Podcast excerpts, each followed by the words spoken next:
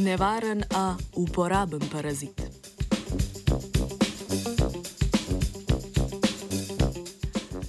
Kadar je govora o parazitih, se večinoma omenjajo njegovi negativni učinki na organizem. Raziskava, izvedena na miših in objavljena v reviji Journal of Immunotherapy Cancer, pa opisuje, kako bi lahko z uporabo parazita toksoplazma gondi povečali občutljivost določenih vrst tumorja na imunoterapijo.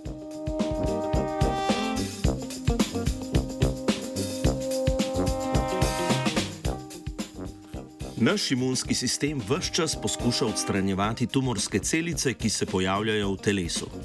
Z imunoterapijo skušamo to odstranjevanje še ukrepiti, vendar pa ta pristop ni tako uspešen pri tistih tumorjih, ki izkoriščajo različne mehanizme, da se zakrinkajo in skrijajo med zdrave celice ali pa so obkroženi s celicami, ki zavirajo imunski odziv. Raziskovalna skupina je želela z uporabo parazita toksoplazma gondi imunskemu sistemu pokazati, kje se nahajajo te skrite tumorske celice in tako povečati učinkovitost imunskega odziva na tumor.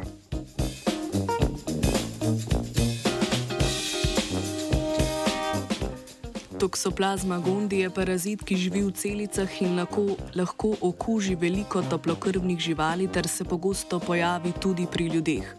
S tehnologijo CRISPR je raziskovalna skupina naredila sev parazita z odstranjenimi geni, ki so odgovorni za bolezenske znake.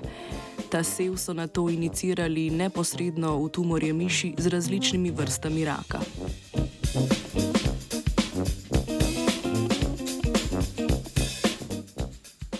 Parazit je v iniciranih tumorjih povzročil močan unetni odziv imunskega sistema, kar je pripomoglo k prepoznavanju in odstranjevanju tumorskih celic. Ta pristop je posledično tudi povečal občutljivost tumorjev na imunoterapevtsko zdravljenje. Imunski odziv ob uporabi parazita pa se ni pojavil zgolj v iniciranih tumorjih, ampak se je nadaljeval tudi v tumorjih na drugih mestih v mišjem telesu in spodbudil njihovo odstranjevanje. To dvojno zdravljenje z uporabo imunoterapije in parazita je znatno zmanjšalo rast tumorja in povečalo delež miši, ki so preživele različne vrste raka.